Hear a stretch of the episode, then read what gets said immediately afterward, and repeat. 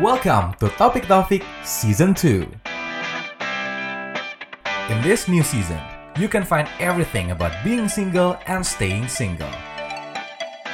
From interesting conversations to fun facts and info to prepare you for happy singlehood.